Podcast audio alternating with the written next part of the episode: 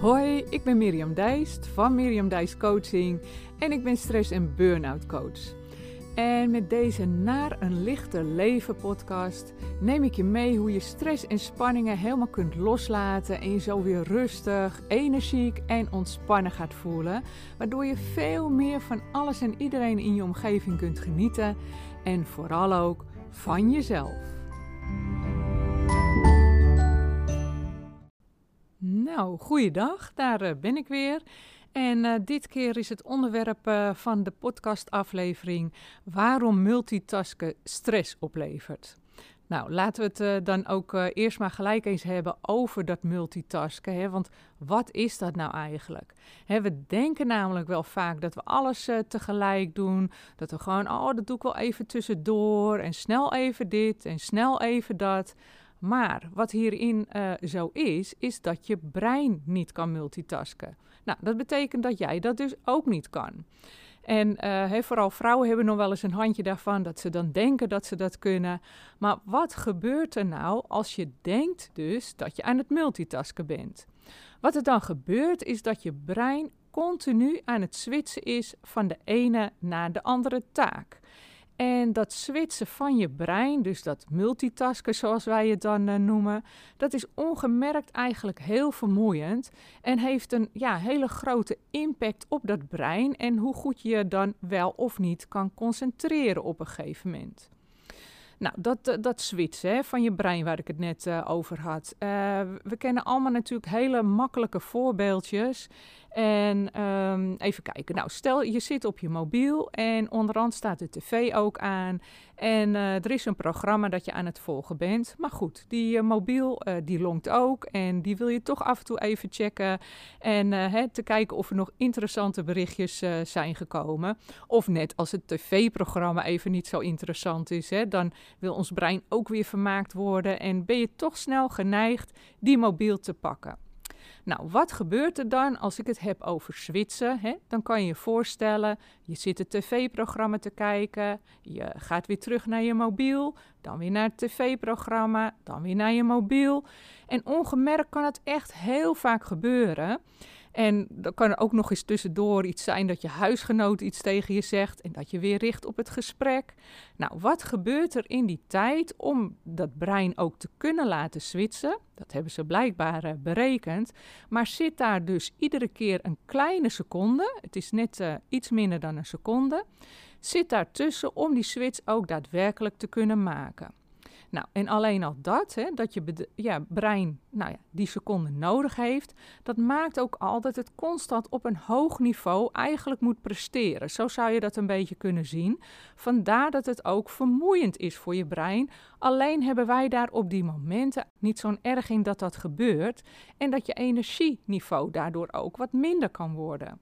Dan is dit een voorbeeld van een klein taakje, om het zo maar even te noemen, hè, waarbij je, je brein aan het switchen is. Maar denk ook eens aan je werk. Dan ja, kan je het hebben over wat grotere taken. Um, wat zal ik als voorbeeld geven? Nou, bijvoorbeeld, je zit op je werk en je bent nou, via je computer of laptop een uh, bepaald document uh, aan het opstellen waar je op moet concentreren. Een plan van aanpak of een begeleidingsplan. Nou, noem het, je weet zelf wel een, een voorbeeldje wat voor jou van toepassing is. En terwijl je daar dan uh, mee bezig uh, bent, zie je ineens uit zo'n hoekje op je scherm een melding komen van een mailtje. Nou zal ik wel even zeggen dat ik echt geen voorstander ben als je dat meldingensysteem nog aan hebt staan, juist omdat het afleidt. Maar goed, eventjes als voorbeeld, stel dat heb je aanstaan, je krijgt die melding, vaak zie je dan ook nog eventjes uh, de titel van het mailtje en je denkt, oh weet je wat, dat handel ik snel even af, want ik hoef alleen maar zus en zo te reageren.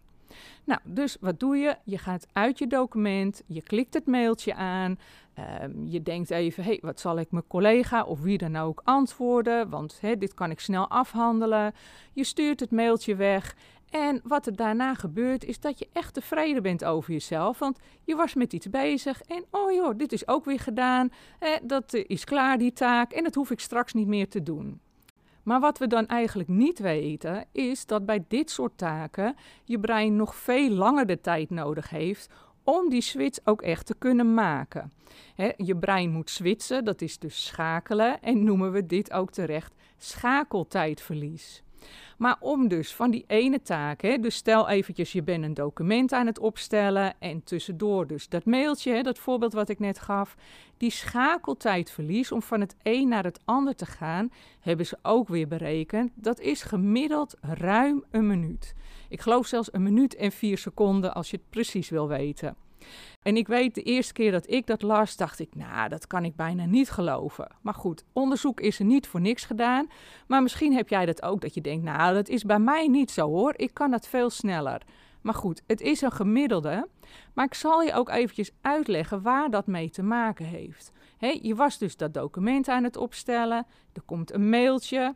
Ik denk dat de schakeltijdverlies dan nog niet echt een minuut zal zijn. Maar goed, dat mailtje heb je doorgestuurd je gaat weer terug naar je document. Dan kan je je voorstellen dat je nog eventjes met het mailtje, met het antwoord in je hoofd zat.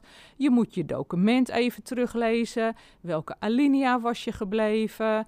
Uh, wat was ook weer de strekking van je verhaal waar je vervolgens uh, verder mee wilde? Hè? En, en zo ga je weer door. En zo kom je dus aan uh, ja, die toch ruime minuut voor het schakeltijdverlies. En blijkt het dus helemaal niet handig te zijn om taken tussendoor te doen. En niet alleen dat brein belast je hè, door, uh, door continu te switchen van de ene taak naar de andere, maar je creëert daarmee eigenlijk ook meer prikkels voor jezelf. Nou, en die prikkels die veroorzaken ook weer stress. Hè? Het, het switchen tussen taken, dat is toch stressgevoelig. Het aantal prikkels wat je daarmee voor jezelf oproept, ook dat veroorzaakt weer stress. En misschien ken je de term hooggevoeligheid, hè? hoogsensitief noemen ze dat ook wel eens. Nou, ik eh, denk echt wel dat uh, nou, bijna al mijn klanten zo zijn. En de een heeft dat in een andere mate dan de ander hoor. Hè? Dus daar kan je meer gevoelig voor zijn weer of wat minder. Maar dat betekent, ik weet niet of je dat wel eens gehoord of gelezen hebt, dat als je hooggevoelig bent, dat je een bepaalde filter in je brein mist. Nou, die filter die zorgt ervoor dat prikkels, hè, die gewoon de hele dag op je afkomen, dus ook ongefilterd binnenkomen. En ik weet dat zo'n 1 op de 5 mensen is hoogsensitief. Dus dat is zo'n uh, zo'n 20 procent, ook van de mensen in je omgeving uh, natuurlijk. Maar uh, ja, die andere 80 procent, die 4 op de 5 dus niet dus niet iedereen herkent dit, maar als jij dit voor jezelf wel herkent, dat je wat meer prikkelgevoelig bent, heeft dat dus te maken met die filter die je in je brein mist. Dat lijkt nou net of je, nou ja, uh, niet helemaal goed afgeleverd bent, om zo maar eventjes uh, te zeggen. Maar ik vind juist dat het een enorme eigenschap is. Alleen moet je dan wel goed voor jezelf zorgen. Dat betekent dat je jezelf wat meer moet uh, ja, bestanden tegen de hoeveelheid prikkels die je ontvangt. En dus moet je dit soort dingen door te multitasken ook zoveel mogelijk vermijden, want dan ben je meer prikkels aan het opwekken voor jezelf. Dus dat is één.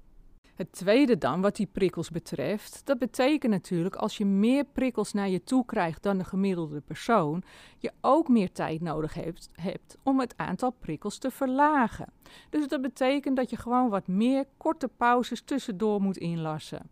Dat is niet alleen als je hooggevoelig bent hoor, dat uh, is heel handig voor alle mensen eigenlijk om dat te doen, omdat dan blijkt dat je brein ook veel efficiënter en effectiever aan het werk kan gaan.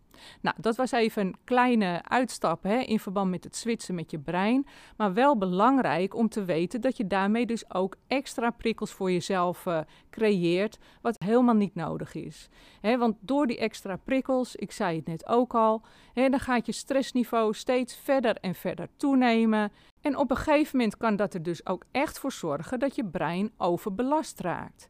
Nou, dat merk je dan aan uh, klachten zoals uh, vergeetachtig worden, dat je niet meer zo goed kan concentreren, hè, dat je ook steeds meer moeite krijgt met het houden van die focus. Aan de andere kant, en dat klinkt misschien een beetje gek, maar stimuleert je brein dit gedrag ook. Dus dat switchen tussen taken, hè, dat multitasken. En dat heeft ermee te maken dat je brein dan dopamine aanmaakt als je iets hebt afgerond. En dopamine, ja, dat noemen ze ook wel zo'n soort uh, beloningssysteem. Hè. Dat is een, een stofje waardoor je denkt, oh, dat heb ik even goed gedaan. Hè. Dan voel je je tevreden over en oké. En dan kan je je voorstellen bij het voorbeeldje wat ik gaf over dat mailtje, en ik zei het ook al, oh dat mailtje is weg, lekker gedaan, klaar, oh dat is een stofje dopamine. Nou, op het moment dat je zelf dus te veel prikkels krijgt, dat je te veel gaat multitasken, dat je brein dus te veel moet switchen, heeft dat impact op je stressniveau en daarmee ook op je energieniveau. En op het moment dat dat dus aan de hand is, gaat je brein ook automatisch een beetje op zoek naar dingen waar die zich weer goed door voelt. Dus gaat hij je verleiden om te multitasken, kleine taakjes uit te voeren, zodat je iedere keer denkt: Oh, maar dat heb ik toch wel mooi gedaan. Oh, kijk, dat heb ik toch wel mooi gedaan. En natuurlijk, het zijn allemaal onbewuste processen, maar doordat je brein op die manier werkt, gaat hij ook steeds minder leren om zich ergens op te focussen ik kan bijvoorbeeld, uh, als ik terugdenk aan uh, mijn moeder, en uh, nou, die kon gewoon wel eens een boek lezen. En nou ja, dat doen we allemaal wel. Maar bijvoorbeeld twee uur achter elkaar. Nou, ik ken eigenlijk weinig mensen nu nog die echt een focus hebben om twee uur lang heel gerichte aandacht ergens bij te houden. En uh, ja, een hele grote veroorzaker uh, is natuurlijk onze mobiel. Daardoor kunnen we snel even iets opzoeken, uh, snel even scrollen door je social media, buienalarm nog eventjes openzetten, want je moet straks op de fiets. En hoe koud was het ook alweer? Heb ik handschoenen nodig? De temperatuur even opzoeken. Tenminste, zo gebruik ik het ook wel vaak. Maar je snapt het, hè? dan is dat brein ook constant weer van het een naar het ander aan het overgaan. En ja, ze noemen dat ook wel eens een gedefragmenteerd brein. En uh, dat betekent gewoon dat de focus hè, om lang ergens de aandacht op uh, te houden steeds slechter en slechter bij ons wordt. Om een uh, lang verhaal uh, kort te maken, is het dus eigenlijk: stop echt zoveel mogelijk met dat multitasken, waardoor je ook veel meer gaat leren te focussen op één taak. En dwing jezelf daar dan ook uh, toe om niet tien dingen tegelijk te doen, maar richt je gewoon op één ding. Dan kan je daar ook veel meer plezier aan hebben, veel meer van genieten. En heel belangrijk, neem dan ook die korte pauzes tussendoor. Nou, en als je dat veel meer in je systeem gaat krijgen, dan zal je ook merken dat je in de avond niet meer doodop op de bank uh, hoeft te ploffen. En dat je gewoon ook in de avond veel meer energie overhoudt. Nou, hoe fijn uh, zou dat zijn? Ik had het net ook al over, hè, dus dat multitasken is natuurlijk iets wat je stressniveau op een gegeven moment ook doet toenemen. En dan kan je allerlei stressklachten doorkrijgen. Nou, ik weet dat mensen dan dat toch vaak negeren en maar doorgaan en doorgaan. Dus nog even een reminder, mocht je hierin iets herkennen, Kijk dan even op mijn website, want ik heb daar een, uh, een checklist die je gratis kan downloaden met 33 signalen van chronische stress.